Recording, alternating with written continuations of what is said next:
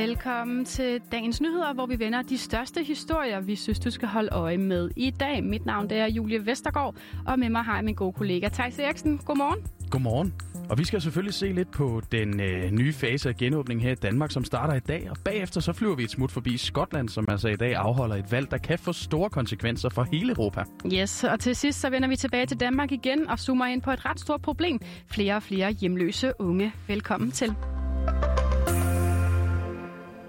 Ja, og så er det altså frem med håndspritten, mundbindet og coronapasset, fordi i dag der tager vi altså det næste store skridt i genåbningen af Danmark. Mm. Og Julie, kan du lige øh, oprise bare lige de vigtigste punkter? Jo, altså ifølge den aftale, der blev indgået på Christiansborg natten til tirsdag, så kan vi i dag sige farvel til 30-minutters reglen i forhold til bordbestilling på restauranter, straffe jern i fitnesscentrene, og alle elever i folkeskolen kan vende tilbage på fuld tid.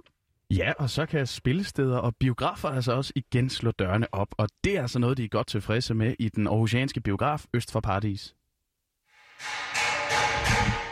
Øh, Mathias Rutner, i morgen, der går det jo løs, kan man sige. Der får I lov til at åbne op igen her i jeres biograf. Og man kan høre, at der også bliver banket lidt i baggrunden her. Øh, hvor travlt har I sådan cirka for at komme i gang i morgen?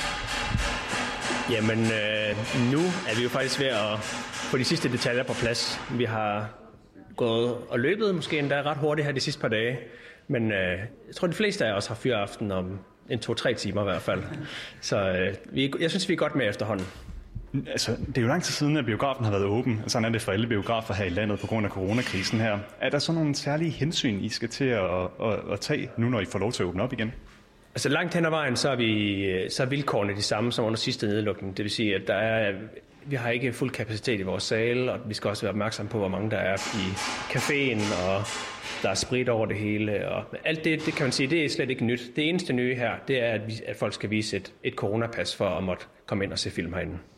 Men ellers er det som før, at man bærer mundbind eller visir, når man kommer ind, og når man så sætter sig i stolen, så tager man det bare af.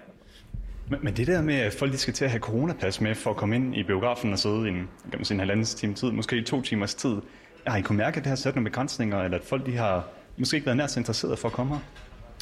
Altså indtil videre, så har øh, interessen været ret overvældende, vil jeg sige. Altså, der er solgt godt med billetter her de første par dage allerede, og meget, mange flere, end der gjort, da vi åbnede under sidste coronanedlukning. Øhm, og jeg tror egentlig bare, at folk de glæder sig helt vildt til at komme i biografen. Nu er det jo en del måneder siden, at biograferne har haft åbent, øh, ligesom mange andre kulturinstitutioner i Danmark. Du som daglig leder her ved Øst for Paradis, altså, hvordan har du det med, at du i morgen egentlig får lov til at åbne op for glade biografgængere igen? Jamen, jeg glæder mig helt vildt meget. Altså, alle, alle personalet, jeg har snakket med, de, de glæder sig, det kribler for at komme ned og bare få lov til at komme på arbejde, eller komme ind og se en film, og det er jo, selvfølgelig er jeg også nervøs, og det er nye vilkår at åbne op under, men øh, jeg er sikker på, at det nok skal forløbe rigtig godt. Jeg ved, at der er mange kulturinstitutioner i Danmark, der har haft det hårdt under coronakrisen. Har I været presset under de her mange måneder, hvor I har været lukket ned? Øh, ja, men jeg tror da ligesom de fleste andre nedlukkede, både kulturvirksomheder og også andre virksomheder, så altså, kassen ser lidt tom ud lige nu. Så det har, været, det har været tiltrængt, at vi kan se, at folk begynder at købe billetter. Men øh, jeg tror aldrig, vi har været i tvivl om, vi skulle klare den som sådan. Øh, jeg tror, vi har haft et rimelig positivt øh, udsyn. Vi skal nok klare den i hvert fald. Vi kan i hvert fald gøre vores bedste, og tilslutningen har i hvert fald været der indtil videre. Og det var altså vores kollega Lukas Bjerg, der i går fik sig en snak med den daglige leder i Øst for Paradis, Mathias Rutner. Sådan her kan det meget vel komme til at lyde i Skotland i dag. The prisoner wishes to say a word.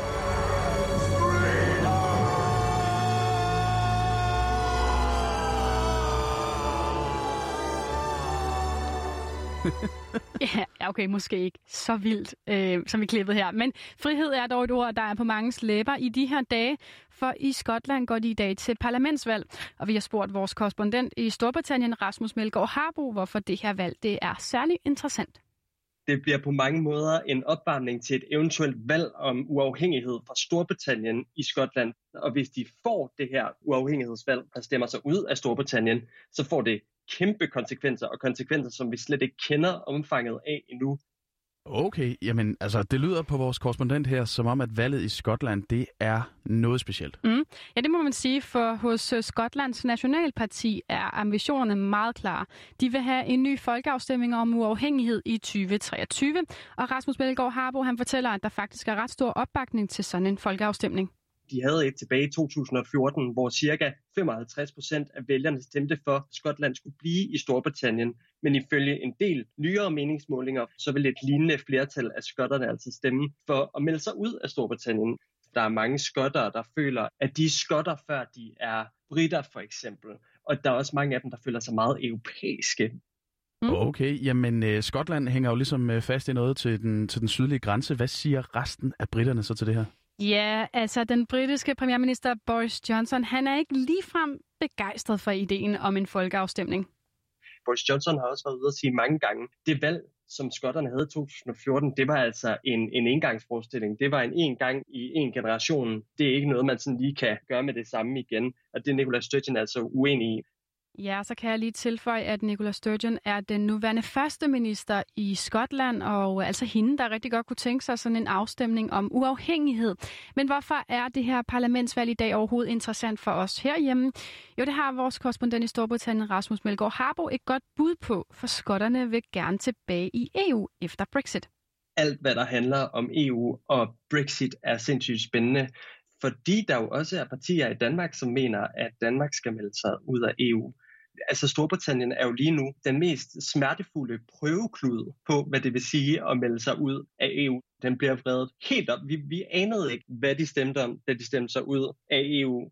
Det er man lige så stille og roligt ved at, at, at finde ud af nu, ikke? Hvor man har fundet ud af, hvad meget det egentlig øh, koster og har kostet. Ja, og vi holder jer selvfølgelig opdateret på, hvordan parlamentsvalget det udvikler sig i løbet af dagen. Ja, og så skal det altså handle om, at øh, jeg i går i vores podcast Indsigt kunne fortælle en ret vild historie, mm. fordi der findes altså mange flere hjemløse unge i Danmark, end vi ellers går tror. For i den seneste optælling for VIVE, jamen der er der altså kun registreret 13 hjemløse under 18 år. Men det er altså ikke et tal, der stemmer overens med virkeligheden. I hvert fald ikke, hvis man spørger Jette Wilhelmsen, der er leder i Joanna-huset, som er Danmarks første børne- og unge krisecenter. Jamen, vi har det første halve år registreret det, der svarer til, øh, til 29 børn og unge, som lever i, øh, i hjemløshed eller i funktionel hjemløshed. Okay, så hvordan hænger det lige sammen? Jamen altså, hende her, Jette Wilhelmsen, hun har oplevet, at kommunerne de altså ikke kalder unge hjemløse for hjemløse. Mm. Fordi så længe de officielt har en adresse hos deres, for, deres forældre, jamen så har de officielt et sted at bo. Okay. Også selvom de så reelt set bor på gaden. Mm. Og en af dem, vi har talt med, hun hedder Michaela. Hun er 17 år, og hun har altså været hjemløs af to omgange. Og i den periode, jamen, så sover jeg på folks opgange. Jeg sover ude foran fisketorvet. Øh, jeg sover lidt over det hele. Det kommer an på, hvor jeg er, øh, når natten falder på. På fisketorvet, jamen, så når det åbnede, så kunne man gå derop og kunne få gratis vand de havde nogle kopper ud foran Expresso House, og du kunne gå ind på handicaptoilettet og vaske dig og gøre alle de her basale ting, børste dine tænder. Altså for mig var, blev det bare altså, til en normal ting at gøre. Ja, og Michaela oplevede altså ikke, at der var ret mange steder, hun kunne få hjælp, mm. fordi kommunen de kunne ikke gøre det store andet end at sige, at jamen, hun skulle bare tage hjem til sin, sin psykisk syge mor, hvor hun selv mente, at hun ikke kunne være. Mm. Men så viste der sig altså en mulighed i Joanna-huset. Jeg havde online-timer, imens jeg var hjemløs. Og jeg havde en øh, 10. klasse lærer, som vidste, hvor hårdt jeg havde det, så hun sendte mig et link ind til Johannehusets åbning. Øhm, og to-tre dage efter Johannehuset åbnede, jamen så var det ligesom der, at jeg søgte ind her. Fordi nu følte jeg ligesom ikke, at jeg kunne, kunne holde ud længere. Og Joanna-huset, de åbnede altså i København i november 2020, og deres mål det er at give børn og unge et sted, hvor de kan få rådgivning, omsorg og husly. Og Joanna-huset, de har altså hjulpet Michaela med at finde et sted at bo, og hun er endda tilmeldt en uddannelse nu også. Mm. Men hvad så med alle de andre unge hjemløse, der åbenbart er mange af i Danmark? Jamen, det kigger vi nærmere på senere i dag. Klokken 16, mm. der sender vi anden del af historien om Joanna-huset og de unge hjemløse i Indsigt. Og øh, hvis du så... Det er ked af, Thijs, der fik jeg lige kortet af. Hvad siger du? Ja, ved du hvad, det skal du ikke tænke over. Men altså, hvis man ikke lige får hørt det der, ja, så kan man altså altid finde indsigt som podcast, og det gælder jo også afsnittet fra i går. Mm, det er nemlig rigtigt. Og jinglen der betyder, at vi skal videre til dagens forsider, for jeg har taget kig på informationsforsiden i kølvandet på oksekødssagen, der har Aarhus Universitets bevidst tilbageholdt afstående dokumenter og efterfølgende givet en usand forklaring om forløbet til tilsynsmyndighederne, der nu udtrykker skarp kritik. Og hvis man ikke lige kan huske, hvad den her sag den handler om, så er det oksekødsrapporten, hvor forskere fra Centeret DCA på Aarhus Universitet faktisk lod Landbrug Fødevare og Danish Crown få indflydelse på en universitetsrapport om oksekødsklimabelastning, som de havde bestilt. Og øh, information skriver i dag, at øh, universitetets chefjurist simpelthen må fratræde sin stilling, og rektoren kalder kritikken helt berettiget. Uddannelses- og forskningsminister Ane Halsbo Jørgensen, hun finder universitetets ageren uacceptabel. Og så har du også en forside med, Thijs. Ja, jeg har igen i dag læst Jyllandsposten, fordi de har så en ret interessant historie på forsiden. Fordi siden februar sidste år, da det første positive øh, coronatilfælde kom i Danmark, mm. jamen der har øh, SSI og en gruppe forskere fra Aalborg Universitet altså i flere måneder delt data om udviklingen i epidemien med en international forskningsdatabase. Men det blev altså stoppet i marts i år, og det gjorde det efter, at både kammeradvokaten og datatilsynet de vurderede, at data om unikke virusvarianter, altså principielt set i hvert fald, kan føres tilbage til enkeltpersoner. Mm. Og derfor så kunne det være i strid med GDPR, altså persondataloven, at dele de her data. Og til Jyllandsposten, der kritiserer to eksperter altså, at SSI de ikke bare havde styr på det juridiske grundlag allerede, da de startede med at dele de her data. Mm. Og det var altså først tirsdag, at der så blev skabt det fornødende lovgrundlag for så at kunne genoptage datadelingen. Og med den forsøg, og med det, så kan vi nu runde af for dagens nyheder. Din værter i dag var mig, Julie Vestergaard, og med mig havde Thijs Eriksen. Udsendelsen er tilrettelagt af Lukas Bjerg, og vi vil sige tak, fordi du lyttede med.